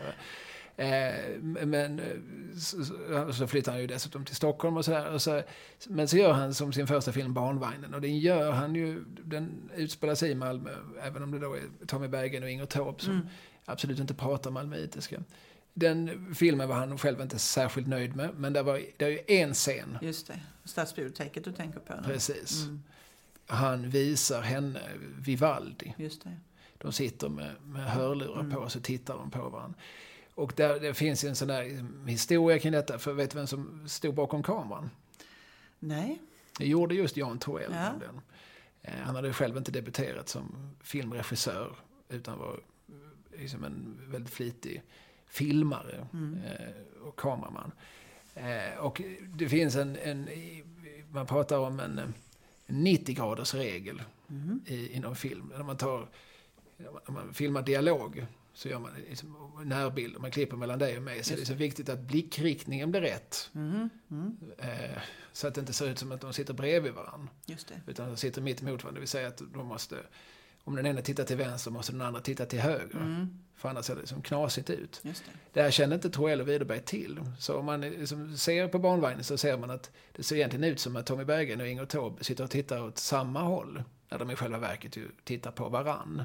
Vad spännande. Ja, det här, och det här som använder Widerberg genom hela livet som en slags uttryck för sin filmfilosofi. Att skit i det. Ja, ja. Skit i den jävla regeln. Mm. Det viktiga, det viktiga är ju innehållet. Ja. Alltså, ta bort all, all liksom teknik och all, allt sånt måste vara sekundärt. Mm. Det viktiga är hela tiden liksom, samspelet, liksom, just liksom liv till varje pris, som ju också då blev namnet på dokumentären om honom. Mm. Eh, där, där som Tommy Berggren berättar om liksom hur salig Bo Widerberg kunde bli om man liksom, under en filmkyss och man såg en salivsträng mellan läpparna. För det liksom, nu är det på riktigt. Va? Nu, Mm. Mm. nu är det inte skådespel. Nu, är det, nu har vi liksom fångat faktiskt liksom ett stycke, skapat och fångat ett stycke liv. Vilket han menar att han gjorde i den här biblioteksscenen. Mm. Och då får det vara ovidkommande då att den bryter mot en ganska grundläggande filmteknisk princip. Mm. För det viktiga var att eh, det som händer i den, eh, hur de liksom gemensamt då upplever musiken i hörlurarna och eh, hur- hur det liksom väcker någonting i dem. Detta apropå. Och bildningen i det också, liksom. Ja, från en... Alltså Widerberg var väl född, alltså även om det var i arbetarkvarter och så här, så hans far var väl lite sån som, han var lite för fin för att arbeta. Ja, Arvid hette han va? Det var Ja. han som köpte en apa. Precis. Och det är nog lite signifikativt att, att han, han vill inte vara en, ett får i skocken. Utan han ansåg sig nog vara eh, lite, kanske om inte lite för mer, så åtminstone lite speciell. Mm. Han, var, han, var, han var inte en sån som gjorde som alla andra. Han var en sån som köpte en apa. För, om- för familjens ekonomi. Ja men precis, jag skulle komma till det. Det var väl så att mor Widerberg, vars namn jag nu har glömt bort, det var väl hon som fick slita ihop alla pengarna för att de skulle kunna gå runt. Ja, hon hette Grete. Grete? Mm. Så fick vi nämnt även Ja, Bo. Widerbergs föräldrar. Ja, det får man väl säga. Mm. Eh, Bo Widerberg har ju också gett namnet en plats för övrigt. Mm. Här pratar vi Tandläkarhögskolan, eller Tandvårdshögskolan kanske det heter numera. Ja, alltså det är väl den plats där Triangelns tu- tunnelbanestation, eller Precis. det är ingen tunnelbana, men nedgången till Mm. Triangelstationen Mm. eh, heter Bo Widerbergs plats. Mm. Där ligger också för övrigt Café Doffeln. Mm. Mm. Döpt efter den gamla yllefabriken alltså. Ja, som låg på en helt annan plats ju. Men, ja. Men eh, om, om man går runt där runt Johanneskyrkan så, så kan man liksom av, av namn och så få liksom en doft Malmöhistoria som visserligen är geografiskt felplacerad. Ja. Men dock, det förvirras lite grann då av att eh, Widerbergs eh, Magnum Malmö Opus, det vill säga kvarteret Korpen, Mm. det ligger ju bara ett stenkast från Bo Widerbergs plats. Mm. Men det är ju tre stenkast från det som var Bo Widerbergs plats, alltså det vill säga hans uppväxtkvarter. Mm. Om du är med på Jag är helt med. hur jag tänker här nu. Och kvarteret Korpen eh, ser ju inte riktigt ut idag som det gör i filmerna. Nej, det gör det inte. Det revs väl ganska... Alltså det var ju redan... Det var ju rivningskåkar då, när filmen spelades in. Och jag vet att han använde sig av något av de här udda originalen som fick spela sig själva liksom i filmen. Ja, precis. Som står... Och Såga ner något trä bland annat. Precis. Va. Men det var ju en eh, ganska ruffiga gårdar och eh, avfolkat och dömt att rivas. Och så spelade man in där på den så kallade tundran där framför huset. Det var ju där många av scenerna spelades in. Bland annat den här tvätten när Tommy Berggren kommer med, springer in i sin mors nyhängda tvätt om du minns. Eh, det var precis där framför. Och sen så involverade involverar han ju, ja inte bara då de som bodde i kvarteren och så, utan hela familjen fick väl ha, hans dotter spelar ju med där också i någon liten roll och som, som väldigt liten. Och, Nina Widerberg som, som Ja. då alltså nu för tiden är gift med sagde Mårten Blomqvist som Just skrivit precis. den här biografin vi sitter här med. Höggradigt jävla excentrisk Ja. heter boken om honom. Fantastisk titel. Alltså. Det är ett, eh, såklart ett Leif GW Persson-citat. För de samarbetar ju sen kring en film som heter Mannen från Mallorca. Mm. Men eh, jag har en god vän som jobbade som någon sorts högra hand till Widerberg under Luste Fägens stor. Mm. Och då var det väldigt mycket så att när olika miljöer skulle byggas upp att eh, för då levde fortfarande Widerbergs föräldrar. Mm. Åtminstone en av dem. Och han sa till min vän hela tiden att eh, jo, Arvid levde, pappan levde fortfarande. Eh, stick hem till Arvid, och så, för där står en stol där som... eh, Jag vill ha med den i den här scenografin. Mm. Och så köp en flaska konjak till honom. Eh, och, med, och det här, efter ett tag så insåg, vi, insåg man att men nu har ju Widerberg tömt hela sin pappas hem Mm. och byggt upp en scenografi av någon annanstans. För att Mm. han, han vill ju liksom exakt återskapa sitt barndomshem. Men han Mm. gör det lite pö om pö. Mm. Och, och håller liksom gubben... Eh, Smörjer honom en liten konjak. precis. Eh, Nu kom jag på att den här filmen kom nog faktiskt, han, han dog väl 97 Widerberg, var det inte så? Ja. Så filmen kom något år tidigare bara. ja, han, precis. Mm. Eh, men inte så långt mycket Nej. tidigare. Han dog lite hastigt och lustigt. Mm. Eh, eller hastigt och olustigt, ska vi Första maj dessutom, så som varande gammal socialdemokrat. Se där. Mm. Men den, den, eh, halva Malmö daterar ju den filmen. vil- vilken pratar vi om Nu nu? pratar vi om Lust och fägring stor. Hans eh, comeback, både Mm. som regissör och som Malmöskildrare. Det är ju många massscener, skolgård och ja, alltså det finns ju box, alltså, Jag har en god vän som fick vara med i ett par scener då, bland annat den här boxningsscenen då. Och det brukar han ju fortfarande, säger han det med viss vördnad, att jag har staterat i en Oscars nominerad, eller har spelat i en Oscars nominerad film och fått regi av Bo Widerberg. Ja, Så frågar man ju då vad bestod regin i? Och det var ju att du kan stå lite mer till höger. Ungefär på den nivån. ja, Men det är fint. det var fortfarande på Widerberg. Absolut. Det kan ingen ta ifrån honom. Inte alls. Eh, som sagt, eh, inte bara filmregissör utan också eh, romanförfattare. Och eh, där man ju får lite skildringar av, av återigen av kvarteren runt om Mm. Möllevången. Mm. Vad står härnäst på din lista? Nu så står det, nu så står det Magda Wolter. Vet du vem hon var? Nej. Det är en spännande dam det där. Hon var född 1895 och hon var född på Ven. Men så kom, kom han hit, familjen flyttade till Malmö då. Så hon växer upp och bor här och så. Och hon skriver flera, jag tror det är tre, tegelstenstjocka romaner. Historiska romaner. En heter Dit Sankt Petri klockor nådde. Och då hör man ju på namnet att det handlar om kvarteren kring Sankt Petri kyrka. Ja. Eller, hon var ju djupt religiös den här Magda Wolter. På inget sätt avspeglas det i berättelserna. Alltså det kan, kyrkan är ju liksom kittet, men det är människorna som har besökt kyrkan eller jobbat så, som det handlar om under 600 år. Så det är fristående Eh, berättelser i den här boken. Alltså det handlar om sex sekler. En berättelse utspelar sig på 1300-talet och en på 1400-talet och så vidare. Och hon har ju gjort otroligt mycket historisk research. Fantastiskt spännande berättelser är det ju. Det handlar ju om, det är som en äventyrsroman liksom. Krig och våld och mord och blod och vänskap och kärlek och alltihopa är inblandat. Men, men också då med den här historiska Malmöbilden. Och den skriver hon, jag tror den kom i slutet på 40-talet någon gång, den här första. Och då är hon ju ändå liksom medelålders och sådär.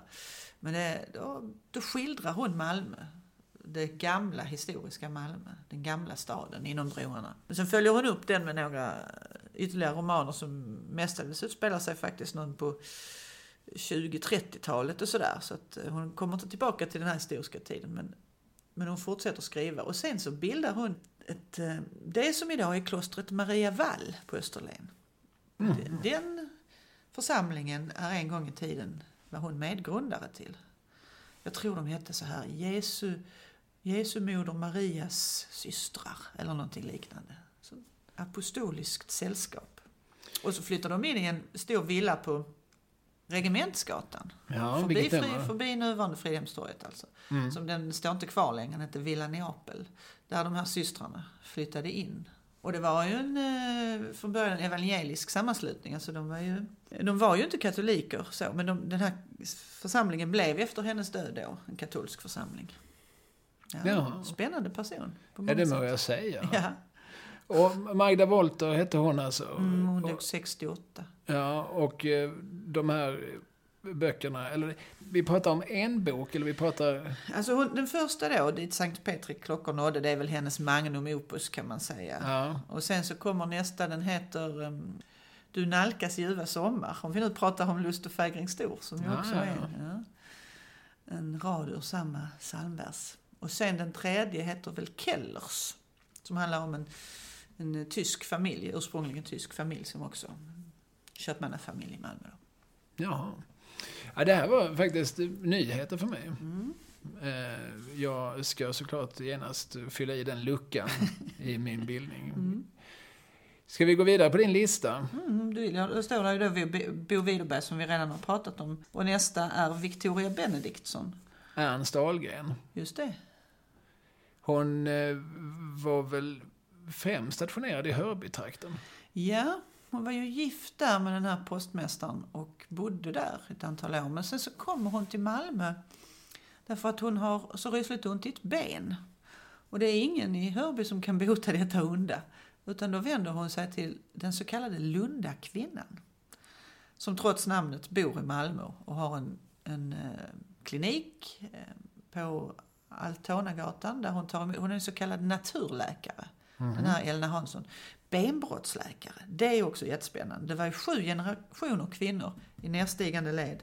De var alltså inte utbildade på någon Alltså de var ingen, någon akademi? Ingen, nej, nej, Utan det var naturläkare. Men den sjunde kvinnan då, dotter, dotter, dotter, dottern.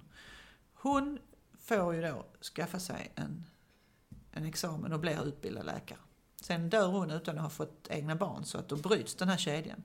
Men hur som helst, Victoria Benedikt vänder sig till Elna Hansson, blir behandlad, bor i Malmö 6-7 månader någonting och kallar sen de månaderna för sitt universitet.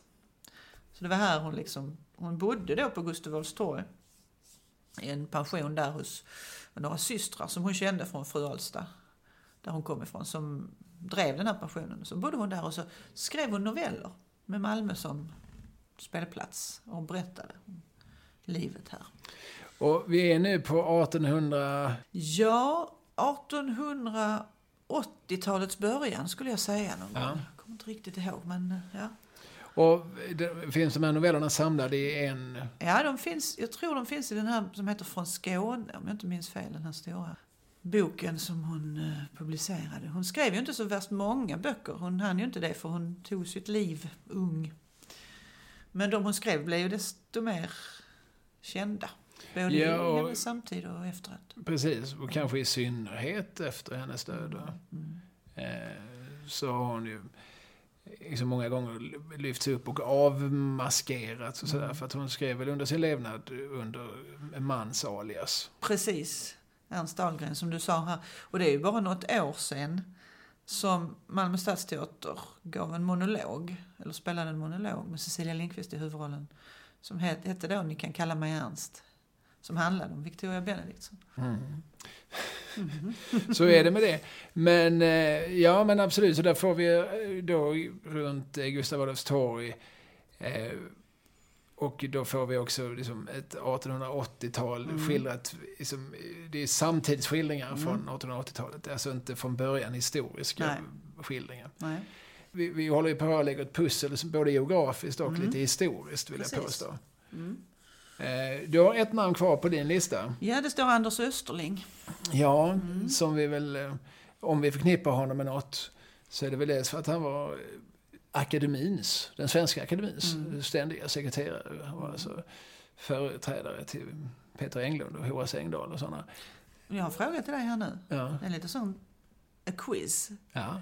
Eh, han växte upp i Malmö, som Ja. du säger, ständig sekreterare i Svenska Akademin. Men det har varit ytterligare en ständig sekreterare i Svenska Akademin som har växt upp i Malmö. Vet du vem det är? Eh, jo, det, ska, jag måste gå igenom alla i mitt huvud nu. Liksom. Det har varit Erik Axel Karlfeldt, det har varit Karl-Ragnar Gierow, det har varit eh, Artur Artur Lundqvist var aldrig. Eh, kan ju alla de här namnen, Kalle Lind. så Eh, liksom, ja, det har varit Horace Engdahl och Peter Englund och Sture Allén. Han är från Göteborg. Eh, Kan det, kan det ha varit han Gierow? Nej. Ja, det är betydligt närmare i tiden så. Det är faktiskt Sara Danius. Växte hon upp i Malmö? Under ett antal år bodde hon på Möllevångsgatan 46. Ja, hon var ju dotter, en av, ett av nio barn till Anna Wahlgren. Mm. Och Anna Wahlgren var ju väldigt rörlig. Mm. Hon flyttade ju det här barnkollektivet eh, hit och dit i Mm. världen. Mm. De bodde väl också i typ Marocko, Egypten och så en tid. Eller till och med ännu längre söderut i Afrika. Eh, ja, ja, detta kände jag inte till. Men det är rätt spännande för jag tänker att hon gick också på Sorgenfriskolan. Och det skulle varit roligt att få alla de här Bo Widerberg, Majke Johansson, Sara Danius. Det är olika tider och så, men spännande på något sätt. Men Sorgen friskolan, det blev lite grann då Malmös Södra Latin. Ja, Alltså för Södra Latin är ju ett gymnasium i Stockholm där alla har gått. Alltså alla syskonen Skarsgård. Och det vill säga, det, det har alltid gått någon Skarsgård. De senaste 30 åren så har det alltid varit en Skarsgård på Södra Latin. Eh, nej men, eh, men det är ju också ett ställe där, eftersom det bor många eh, kulturarbetare i, i närområdet och, och skolan dessutom har en lite kulturell profil Mm. så har detta blivit så. Men då är Sorgen friskolan det närmsta vi kommer. Mm. Eh, kan Dan Hylander också ha gått där? Oh, Dan, Dan Nylander gick, på, gick han inte på Pildammsskolan, men det kanske är senare då. Jag vet inte riktigt vad han... eh, Jag vet inte Nej. vilket skola. jag Jag vet tänkte på det är här bara för att han har gjort en platta som heter Café Sorgen ja, ja, men det är ju Köpenhamn i och för sig. Ja, Mm. Ja, ja, nej Mm. precis. Ja. Ja. det bara dök upp i mitt Ja, huvud. ja, ja. Jag associerar för vilt. Mm. Men Anders Österling, Ja. vad han också är känd för, det enda verk som jag vill hävda har överlevt, det är ju hans eh, vackra dikt om Åles stenar. Ja. I övrigt så tror jag inte att Österling är särskilt läst nowadays. Nej, det är nog så att han inte är det. Men han har ju också skrivit mycket prosa, och inte minst om Malmö då. Och han berättar, och det gör han ju även i lyriken, han berättar speciellt i en dikt om hur han går. Han gick då på, på eh, läroverket, alltså det som är latinskolan idag. Och då bor han ungefär där HIP ligger, alltså Malmö stadsteater. Och hans skolväg är ju då att han går därifrån och så går han över eh, bron då. Och så möt, mot då, alltså Amiralsbron, hette Rörsjöbron den gången, möter han på sin väg till skolan alla de här strömmen av de huttrande fabriksflickorna som går och drar sjalarna tätt om sig i den råa Malmöblåsten över bron. Och de är ju på väg då till Doffelen på andra sidan där Hansa ligger idag. Och då har de ett tio timmars pass framför sig i fabriken. Och sen ska de hem igen till Möllevången och Lugnet och Kirseberg, var de nu kommer ifrån. Medan han då, han är läroverkspojke liksom. Så han har skrivit en del sådana där eh, lite betraktelser över klass och... Över Kör. tingens orättvisor. Mm. Detta var nyheter för mig. Jag får skriva upp Österling på min lista också. Eh, ska vi titta på min lista Det tycker jag avslutningsvis? absolut vi ska göra. Eh, det här är bara samma som du har. Som great mind. Men jag tänker att vi får väl lägga till såklart Torbjörn Flykt, som jag, Ja. vi kanske nämnde lite eh, som hastigast. Eh, hans eh, underdog. Då är vi faktiskt på Absolut. Borgmästargården. Ja. Och det är kanske, veterligt är det den enda roman som utspelas på Bo- Jag Borgmästargården. tror det. Men den fick ju en uppföljare också, Mm. vars eh, namn nu föll ur mig. Det är också ett engelskt ord. Mm. Sen finns det ju en kille som heter Björn Ranelid. Björn Ranelid, precis. Han har ju skildrat Älvstorp och det är väl ingen annan än han som har gjort det. Nej, han växte upp där, så kvarteren vid, ja, vid, vid Diktan Värnhem. Mm. Framförallt hans stora biografiska roman kan man väl ändå säga att det är Till alla människor i jorden och, på jorden och i himlen. Mm. Handlar ju om hans uppväxt i de kvarteren. Sen skrev jag upp Jan Sigurd, Jan Sigurd, absolut. som ju är Malmöbaserad och jag har skrivit eh, en mängd olika böcker i en mängd olika genrer. Eh, Men bland annat har jag skrivit en väldigt eh, trevlig, när man säger det med en bok, det kanske inte är det, den tyngsta kritiken man kan ge, men den, den är väldigt, en väldigt sympatisk Mm. bok som, som tar avstamp i Caféet Siesta på Gamla Väster. Mm. Och är liksom små betraktelser. Han sk- skriver i den genren som man ibland kallar flanörprosa. Små betraktelser, små impressioner kring, Mm. kring människor och händelser i kvarteren på Gamla Västern. Och när vi pratar Gamla Väster så får jag ju nämna då också Fredrik Ekelunds ja. Taxi 72 Ja. bland drömmar och dårar. Eh, som tar plats på, som han kallar den, Jakob Nils Stry. Mhm. Eh, eh, sen eh, får vi kanske säga, eh, jag- Mikael Bergstrand, Mm. eh, läst feelgood-författare som har skrivit böcker som de mest kända, de utspelar sig väl snarast i Indien och så. Just det, det Men var han, en film också. Ja. Mm. ja, precis, det blev just en sån här julserie med Mm. Björn Kjellman. Mm. New Delhis. Delis vackraste händer. Vackraste händer, så är det. Mm. Men han var ju innan dess, han var ju Sydsvenskans eh, Malmö-reporter och, och sådär i- i många år innan Claes Fürstenberg tog över. Eh, och innan sen Martin Andersson tog över. Men som skrev mycket liksom, utifrån Malmös vardag och, och historia.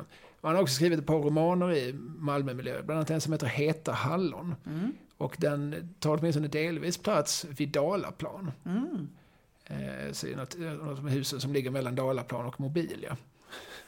Så det finns, även den, det lilla hörnet av Malmö Mm. är Intäkt. representerat. Mm. Sen får man väl nämna kanske Karl Ove Knausgård. Ja, just det.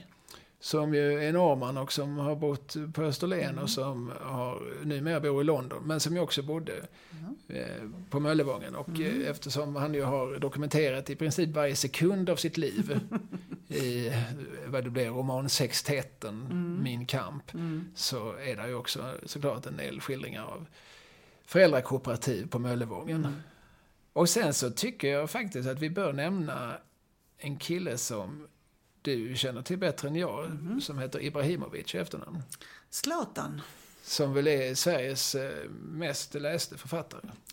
Ja, det är väl säkert så. Han och David. Lagercrantz eh, samarbete där menar du? Med. Jag gissar att Lagerkrans var den som skrev ner själva orden. Men, men eh, berättelsen är ju och förblir onekligen eh, den store Zlatans. Ja. Och det är en berättelse som utspelar sig främst på Rosengård, men också väldigt mycket i spänningsfältet mellan Rosengård och Limhamnsvägen. Mm. De kvarteren heter Fridhemma, Mm. där han ju så småningom skaffar sig sitt hus.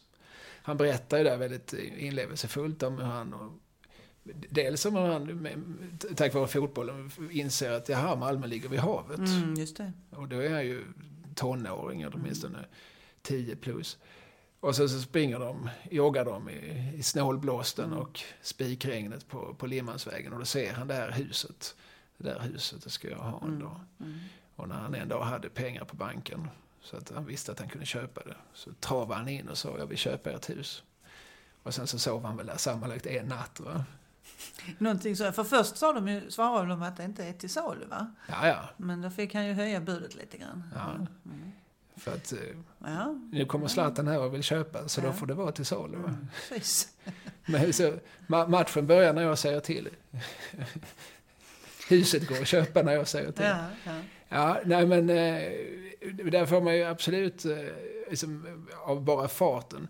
Nu förstår ju inte jag varför man valde en, en Stockholmsförfattare att liksom transkribera Zlatans ord. Ännu mer obegripligt blir det när, när man hör inläsningen som är gjord av Jonas Malmsjö. Jaha, ja. Son till nämnde Mm. Jan, Mm. men själv är uppvuxen på Strandvägen i Stockholm. Mm. Och som bland annat i sin inläsning pratar om Svågertorp Mm. och Ribersborg. Just det. Ja. Ja, det där blir svårt. Men man kan ju säga också att eh, förutom de här områdena som du nämnde så är det ju verkligen en inifrån beskrivning av området kring Malmö stadion. Det är ju många som har skrivit om Malmö stadion. Det har ju även Jacques Werup gjort i lyrikform och skrivit om Bosse Larsson. Och jag menar det gör Fredrik Ekelund och det är må- många andra. Men här är det verkligen en inifrån berättelse. Så här ser det ut, här luktar det i omklädningsrummen. Så här var det på inför den matchen och så och så. Så här ser det ut i, i borgens innandöme. Liksom. Det är inte betraktaren längre utan det är aktören själv som berättar. Och det är också en, en spännande del, tycker jag. Absolut. Om man nu tycker om lukten av omklädningsrum och Ja, element. nej, men framförallt är det väl alltid spännande att komma bakom kulisserna. Mm. Någonting som, där man har liksom bara en relation till framsidan. Det är väl alltid spännande att få se hur baksidan ser ut. Det kan ju även jag som inte varande så gräsligt fotbollsintresserad förstå och Mm. relatera till. Mm. Just den här boken, i den har jag ju hört väldigt många gånger. Eh, Det där, det här var min sons eh, liksom, godnattsaga Ja. I flera års tid vill jag Mm. tro. Mm. Så var- jag hörde liksom alltid i bakgrunden hörde jag Jonas Malmsjös eh, Svågertorp. Svågertorp. Ja. Ja. Så- Och, och varje kväll så, vad fan har de valt honom? För De kunde inte bara fråga sin pappa hur det uttalas. Ja, just Eh, det. Hur svårt kan det vara? Mm. Alltså, det är ju som, den här boken sålde ju en halv miljon Mm. exemplar. Det fanns ju ekonomi till att, eh, till att trycka på paus och låta Jonas ringa till sin Mm. pappa. Det om detta. Nu har vi pratat eh, länge och väl om diverse Malmöskildrar och Mm. Malmöskildringar. Mm. Och det finns säkert några vi borde ha nämnt, som vi har glömt. Med all säkerhet, ja. Men så är det alltid. Mm. Men det var många namn. Ja, det tycker jag. Och vi fick in mycket historia och vi fick in, vi täckte in stora delar av Malmös geografi. Påfallande lite västra Malmö. Ja, så är det faktiskt. Alltså det var först här på slutet vi kom fram till Fridhem. Mm. Annars har, har vi rört oss mycket i kvarteren kring Möllevången Mm. och så har vi varit några svängar ut på Kirseberg och, Mm. och egentligen alltså klassiska arbetarområden. Ja. Och kanske kan vi dra en slutsats av det. Att eh, mycket Malmölitteratur är också klassbetingad. Mm. Eller klasskildrande. Och specifikt kanske då arbetarklassskildrande. Mm. Ja, och, och särskilt från en viss period, men absolut, ja visst. Mm. En försiktig slutsats drar vi. Mm. Och vi, vi står inte för den till 100% för att vi anar att eh, det finns eh, tusentals motargument. Ja, ja. Men de kan man få mejla till oss ju. ja, det tycker jag. Det kan man göra på adupodd, podd med två D, A-D-U-P-O-D-D, snabel gmail.com. Men man kan också kommunicera oss via Patreon. Jag, jag fattar aldrig det där. Vad är det? det? Ja, men det är ju ett sätt för dig att få, få betalt för det du sitter och Ja. gör här. Att få, att, tänk, att, tänk att få göra allt det här vi gör nu. Sitta och liksom vräka ur sig ur minnet olika gamla gatunummer. Och så få betalt för det. Mm, det hade ju varit en dröm. Det hade varit ännu bättre. Ja. alltså, och det, det, det kan ju handla om bara liksom symboliska Ja, ja. Alltså vi är ju nöjda med det lilla. Vi, vi, alltså, vi är ju Malmöbor. Vi, vi, Mm. vi tror ju inte på att vi ska få några slott eller så. Men vi, vi är glada om, om vi har till en ståplats på, på Malmö stadion. Ja, ja. Ja, eh, då går man in på patreon.com. Mm. Eh, och eh, så, så hittar man där då Adu-podd. Och eh, så väljer man att bli givare. Mm. Det vill säga man sponsrar den här podden. Man, man, man lägger en liten, en liten, liten slant i vad vi då hoppas på kan bli en stor, stor pengabinge. Just det. Men eh, jag gissar att vi hoppas förgäves. Men alla små bidrag är välkomna. Patreon.com. Och där kan man också faktiskt kommunicera. Där finns också ett... eh, eh, Och vi kan väl säga så att vi kommer väl att svara på de frågorna innan vi svarar på gratisfrågorna. Ja, det tycker jag. Det Något tycker ska man ha. Så är det ju.